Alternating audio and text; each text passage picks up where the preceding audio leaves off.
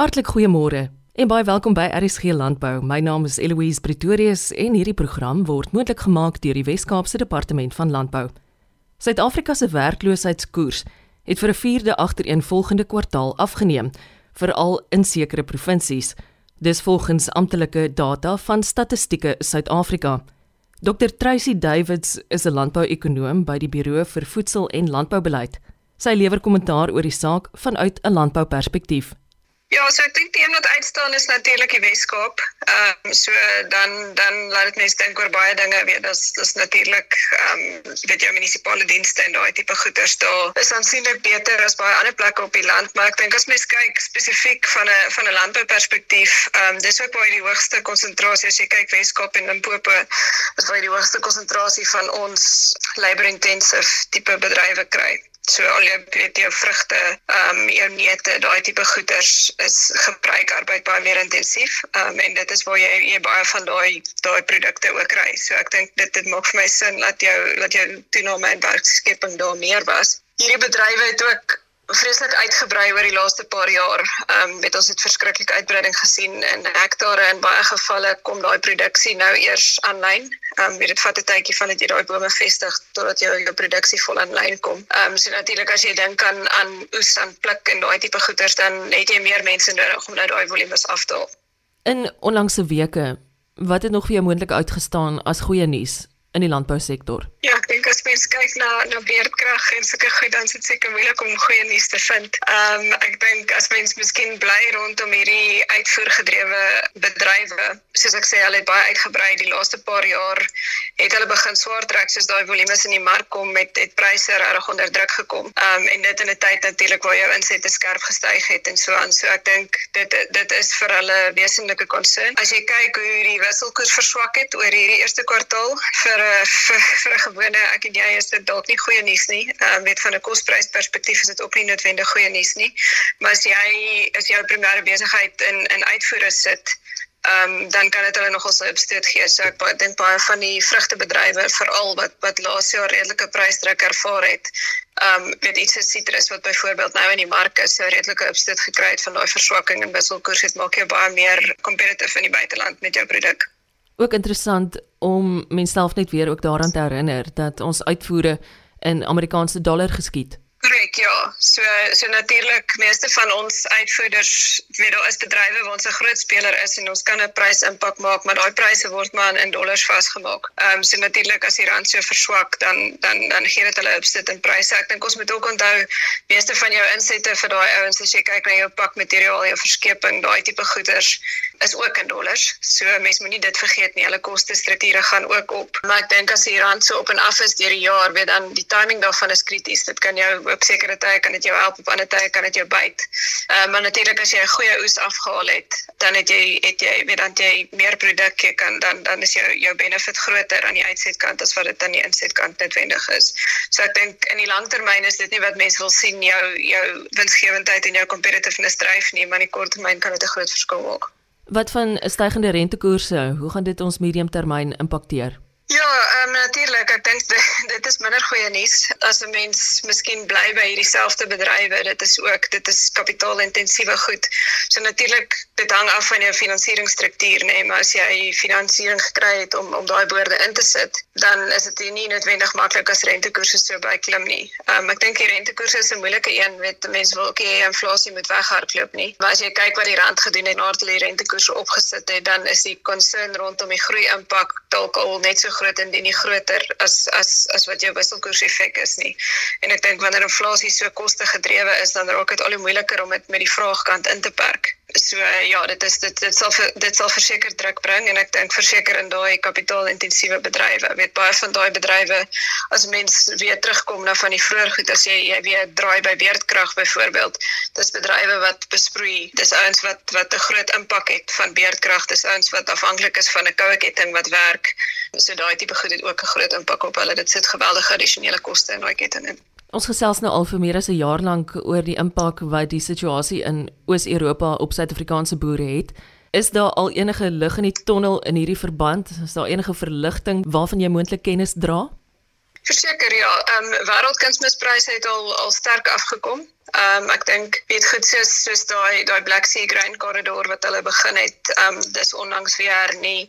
Dit het so 'n bietjie rustigheid gebring rondom die handelspatrone met Oos-Europa, maar ek dink terselfdertyd is daar baie lande wat wat nie sanksies op opgesit het nie wat nog kan kunsmis en goed van hulle invoer. Dit was die geval van die begin af, maar met die initiële sanksies en goed het het die logistiek nie noodwendig gewerk nie. So die skepe het opgehou geloop en en en so aan. So prakties was dit nie so moontlik nie. Nou, ek dink al daai goed het hulle self so bietjie uitgesorteer. Ek dink oor die wêreld heen het het, het boere ook baie meer efficient met kunsmis begin werk toe dit so duur geraak het. So die die vraag het ook afgekom.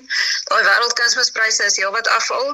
Ons eie kunsmispryse is ook af, nie so baie soos die wêreldpryse nie natuurlik omdat ons rand verswak het. So ons is is maar grootlikse invoerder van kunsmis. So ons het nie daai selfde vlak gekry nie, maar ons ons pryse is ook al af. So dit is dit is verseker goeie nuus. As ek jou sou vra of jy enige raad het aan Suid-Afrikaanse boere op hierdie stadium. Wat sou dit wees? Dis dit is natuurlik moeilike tye. Ek dink 'n mens moet dit aanvaar.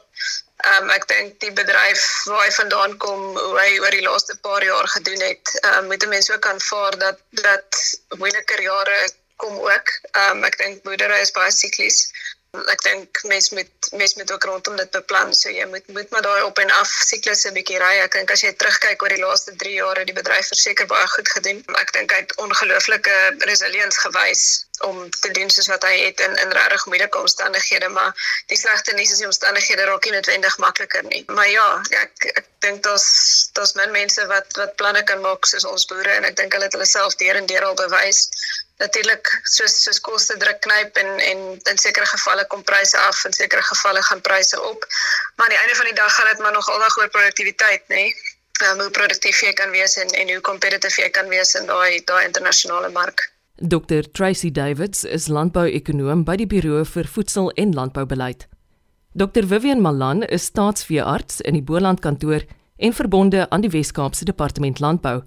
Hy bring ons op hoogte omtrent die huidige stand van sake wat voëlgriep betref. Uh môre Eloise, uh, voëlgriep uh is 'n tipe wat deur uh, dieselfde tipe virus uh, veroorsaak word wat aan mense ook griep veroorsaak en dan net soos ek aan mense kry mense verskillende tipes van hierdie virus uh wat uh party uh, baie meer uh ernstige siekte veroorsaak as ander. Uh, so in in die voëlgriep wêreld praat ons van die virusse wat uh voëls op 'n groot skaal doodmaak as 'n hoë patogene virus. So in hierdie virus uh, tas normaalweg die meeste dele van die voëls se lyf van al sê die naam uh, griepvirus uh, is dit maar soos 'n mense ook vir die voëls uh, se hele stelsel word beïnvloed.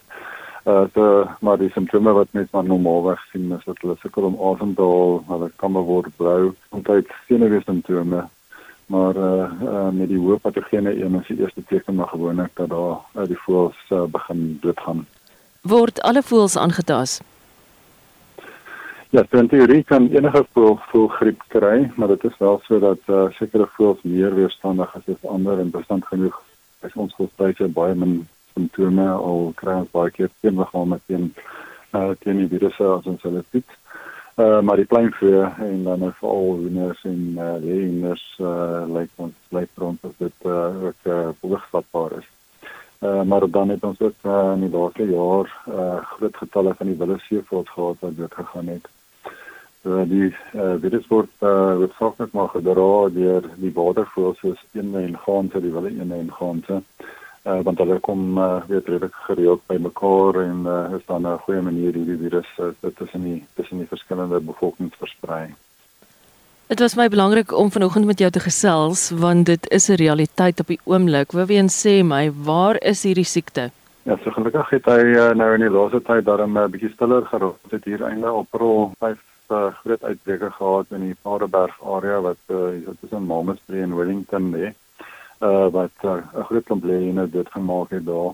Maar dan is daar ook uh, uiteindelik 'n uh, uitbreek in die, in die George area wat ook lê in 'n aantas en dan uh, kry ons ook uh, gereeld nou nog uh, positiewe resultate van uh, steekvoels wat uh, gebring word na een van ons uh, welsynsorganisasies toe en hulle hulle titels daar. So die virus is uh, maar in die omgewing nog.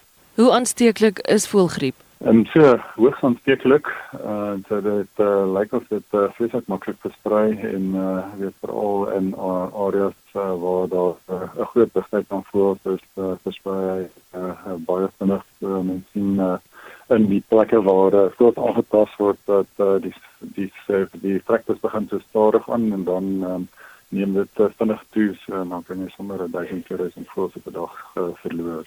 Wat gebeur as 'n mens voelgriep vermoed? Dit is een van die aanmeldbare siektes in gevolge ons dieresiekte-wet. So dit moet uh, dadelik aan die staatsgeld gerapporteer word. Uh, dit is altyd maar 'n goeie ding uh, dat uh, mense maar eers met 'n privaat geld vertel uh, wat hulle net seker maak uh, daar's nie dalk ander redes vir die praktyk nie.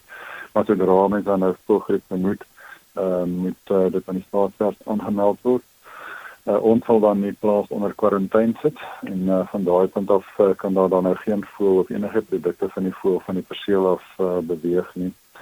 Uh, dit is dan die verantwoordelike persoon se verantwoordelikheid om seker te maak dat al die voels wat dan nou besmet is, uh, dit gemaak word en dan ook al die voels wat in kontak is want uh, omdat dit so hoë hoogstandstekelike virus is ehm um, dit help dit nie om te wag om te sien wat gaan gebeur nie. So en dan is ook belangrik om te sê dat uh, dit uh, eiers uh, op 'n lê plaas sal dan ook uh, vernietig word uh, van die van die punt af waar daar 'n probleem gesien is. Ek wonder hoe lank bly hierdie plase dan onder kwarantyne?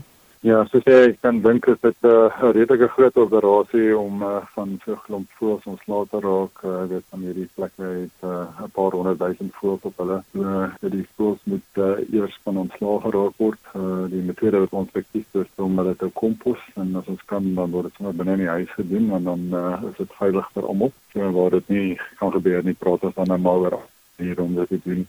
So dan is die volgende stap om uh, die hoeke skoon te kry, die huise skoon te kry en te ontsmet. So en uh, dit is nie die maklikste plek om te ontsmet nie. So dit vat maar 'n hele rukkie om uh, dit uh, skoon te kry uh, sodat dit kan ontsmet word. So uh, om kan jy die kwarantyne lig 28 dae nadat die eerste ontsmetting gedoen is. So en dan is daar ook 'n tweede een nodig. Uh, so in praktyk uh, vat dit maar 'n uh, maand of 3 voordat ehm um, 'n plaas weer uh, kan fokus fokus aan kry. Kan 'n voëlgriep na mense oorgedra word?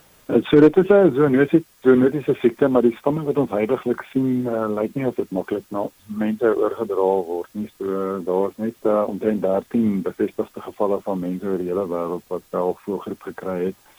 En in die meeste van hierdie gevalle was dit uh, mense wat ja, eintlik baie nou saam met die pleinvee geleef het uh, en dan uh, die siekvoëls hanteer het. Uh, die ander mense wat natuurlik uh, hoë risiko is, is iemand wat uh, ander uh, morbiditeite soos uh, ander siektes het wat dalk die immuunstelsel aantas. So, maar die aanbeveling is maar in elk geval dat uh, mense nie uh, enige siek of dooie voëls uh, met lokaal hande moet hanteer nie uh enige iemand wat uh weet met te voorwerk met pas tog het hulle die beskermende oorklere aan doen en 'n masker dra want uh die virus is in die lug en kan met deeltjies oorgedra word. So en dan uh as daar enigstens mense is wat uh, uh griepsimptome het uh, nadat hulle met siekvoels gewerk uh het dit nou nog soos ek sê nie by ons enigstens gesien nie maar dan met hulle kan hulle na die kliniek kontak en dan kan hulle getoets word en sien of hulle wel griep het.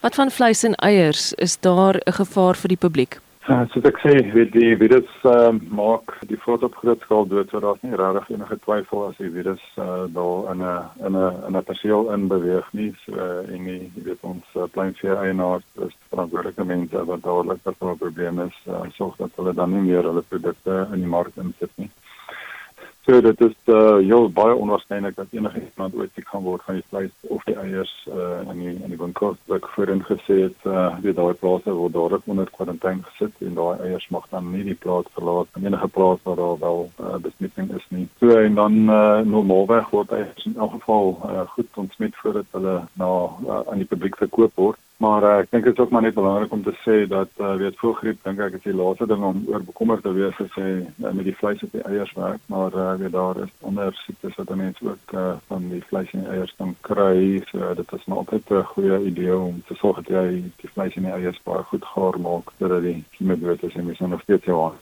van uh, voordat jy uh, as jy met die met die rou produkte gewerk het. Wie hoe maak ek kontak met my staatsveearts? Hier in die Weskaap het ons agt staatsveldskantore.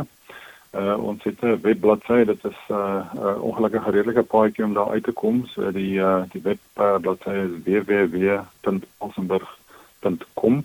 Dan is daar 'n uh, skakel na programme toe en dan onder dit uh, veterinary services en onder dit animal health and disease control. Uh maar ek het vanoggend sommer getoets met uh, een van die soek engines en as jy um state veterinary en of staats en sit uh, Weskaap dan uh, kom kom daar bladsy ook op. Uh, so dit is maar die maklikste ding om te doen. Ja, ons maar lyk nie en dan kan ons in elk geval praat as daar dan nou enige twyfel is of dat uh, mens maar net seker maak uh, presies uh, wat uh, wat aangaan. Dr Vivian Malan is staatsveearts in die Boland kantoor en verbonde aan die Wes-Kaapse Departement van Landbou. 'n Esher mozzarella kaas wat deur RFG Foods in Simondium in die Wes-Kaap gemaak word, is as die suiwelproduk van die jaar gekroon tydens die gesogte Suid-Afrikaanse suiweltoekenninge. Vanjaar se geleentheid was 'n viering van 'n merkwaardige mylpaal, die 190ste aanbieding van die SA Suiwelkampioenskappe, die grootste en oudste suiwelkompetisie in Afrika. Die wenproduk was een van 929 suiwelprodukte van 71 vervaardigers wat deur 'n span van 80 beoordelaars gemeet is. Robert Sudell, bedryfsbestuurder van RFG Foods en kaasmaker Kowick Boonsaier, sluit by ons aan. Ons is 'n baie klein groepie wat ek oor sien. Kowick het van die onderkant van die kaasmaak begin in die kaasfabriek oor die jare beweeg op uh, tot die hoof van die kaasfabriek. Wat het jy geleer, Kowick? Ons was deur Elsenburg, was ek gestuur na Frankryk toe en soos daar het ek my ondervinding opgebou en as ook deel deur die ondervinding deur Robert oor die jare wat ook vir my leidinge gee het oor rondom kaas maak en so het ek verbeter oor die jare. Robert, jy het 'n ongelooflike 2023 tot dusver gehad. Verduidelik tog vir ons van die hoogtepunte. Ag ek dink die hoogtepunte is die die die, die natuurlike produk van die jaar mozzarella om hierdie jaar eerste keer van af die laaste 11 jaar het ons laaste gewen maar die eerste keer dat mozzarella die klas wen ook uh in die geskiedenis van die kompetisie. So die laaste kaas van ons wat gewen het en die eerste keer was uh, Angelo kaas, dit was in 2012. So die feit dat die produk laas jaar ook SA kampioen en kwaliteit toegeken is uh, en hierdie jaar bewys het dat dit weer uh, kan doen en ook uitkom as produk van die jaar is is, is baie spesiaal vir hierdie vertoning van hierdie jaar. Dalk vir mense wat dit nie ten volle verstaan nie, kan jy dalk net vir my kortliks verduidelik hoe dit werk tussen kwaliteit en produk van die jaar? Eerstens die SA kampioen is die die SA kampioen van elke klas van kaas. So uit elke klas van kaas wat uit elke SA kampioen wat 'n sekere puntestelsel of punte uh, bereik, bo 27 punte kwalifiseer hy vir die kwaliteit toekenning op daai klas. En as dit kan selfs twee kase wees of twee produkte wees in een klas wat twee kwaliteite dan uh, verdien of, of of kry en dan uit die 10, 20 of 30 kwaliteite die een met die hoogste telling kwalifiseer dan vir die produk van die jaar. Wat maak mozzarella uitstekend? Smaak is tog subjektief. Wat is meetbaar aan die produkgehalte? Kyk, die, die hierdie ons kaas spesifiek is 'n funksionele kaas. So uh, mozzarella is gemaak vir, vir as 'n funksioneel. So hy jy gebruik dit as 'n doel. Dit is nie 'n eetkaas op sy eie nie. Alhoewel dit mense kan dit eet, toe broodjies, laai en so aan, maar dan uh, verkies jy dalk da meer die vars uh vir die latte of bocconcini kaas wat vertoon in in vir 'n ander aspek soos daai. Die die die pizza mozzarella, vir sy naam pizza mozzarella uh, wat sommige uh, brands dit kan noem. Uh, mozzarella op sy eie kan twee wees of twee of, of meer as twee wees. Die hoofeienskappe van 'n hoë kwaliteit mozzarella is sy smelt kwaliteit. Ehm um, soos die tipiese trek op 'n pizza, daai is wat jy wil hê. So jy wil nie die kort breek hê nie, jy wil nie lang lang stretch hê wat dit noem en jy wil die olie afskei nie, water afskei, wil die brand hê nie.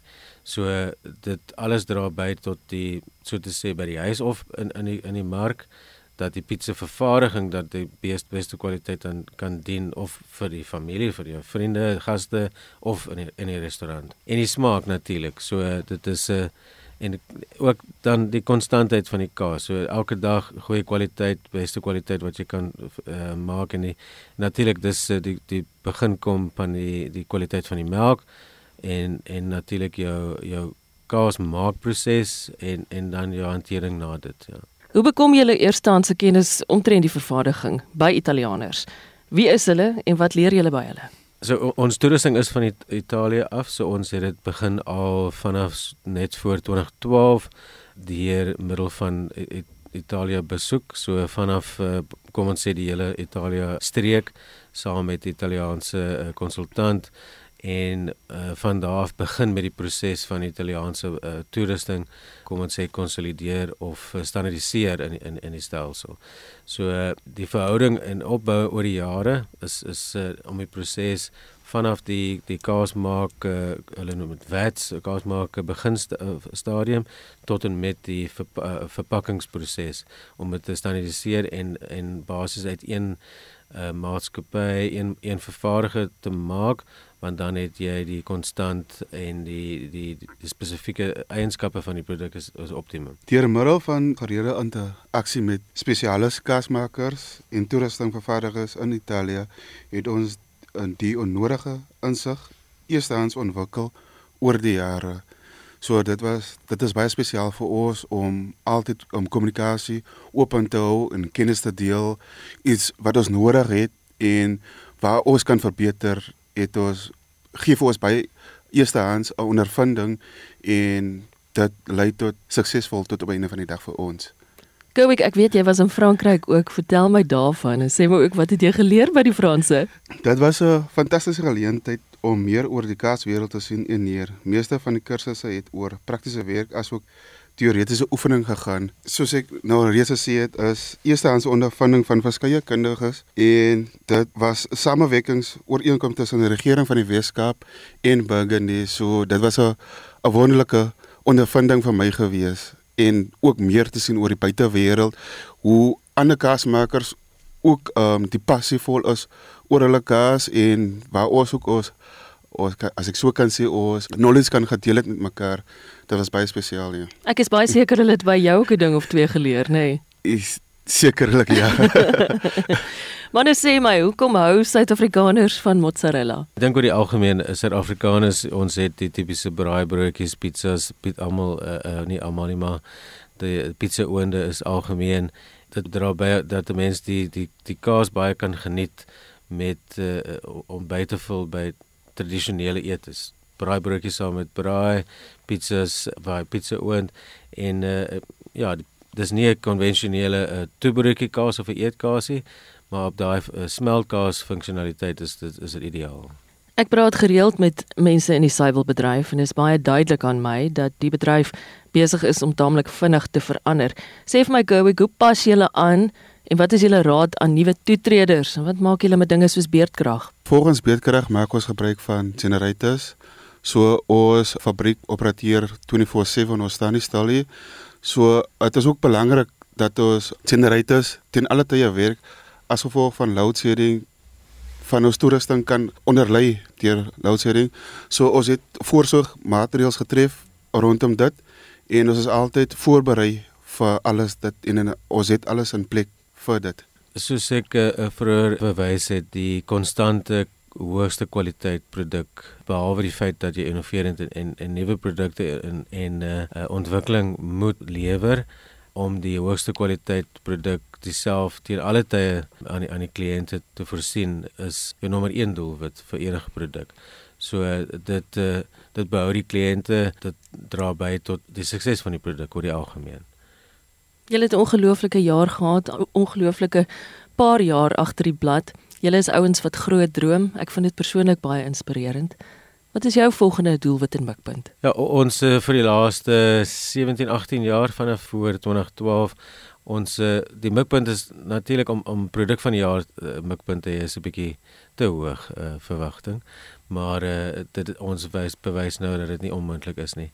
En die feit dat die eerste mozzarella kan produk van die jaar wen dis dis baie goed vir die industrie baie goed vir die kompetisie ek glo. En uh, ons uh, ons produkte wat ons uh, reeks wat ons het ons glo is is almal van van die hoogste kwaliteit ons sal graag oor die volgende jare weer kan kompeteer vir vir 'n produk van die jaar en uh, ons mik altyd vir vir kwaliteit en SA kampioene in in in al die produkte wat ons vervaardig, ja. Ek hou daarvan en die feit dat julle kwaliteit so hoog is en dat julle so gestel is daarop is ook 'n inspirasie vir ander mense in die bedryf. Waaroor droom jy persoonlik, Kowik? Vir my persoonlik is om ons maatskappy beeld te bou om jaarliks talle pryse te wen in die suiwelbedryf. Dit dra aansienlik by tot bevordering van uitnemendheid in die suiwelbedryf en verhoog die profiel van die bedryf onder verbruikers. Daar is steeds 'n groeiende aantal kaasmakers wat my inspireer om alle soorte kaas te eksperimenteer en my kennis te verbreek oor kaasmaak. Robert Sudel is bedryfsbestuurder van RFG Foods en Kerwick Boonsaier is kaasmaker daar. Baie dankie dat jy ingeskakel het vir vanoggend se program. Ek sien baie uit na ons volgende afspraak môre om kwart voor 12. Deel gerus ook die program met iemand anders na jy dit maklik afgelaai het vanaf die webtuiste www.elsenburg.com. Ek is Eloise Pretorius en ek wens jou alle sukses vir hierdie Vrydag wat voorlê. Totsiens.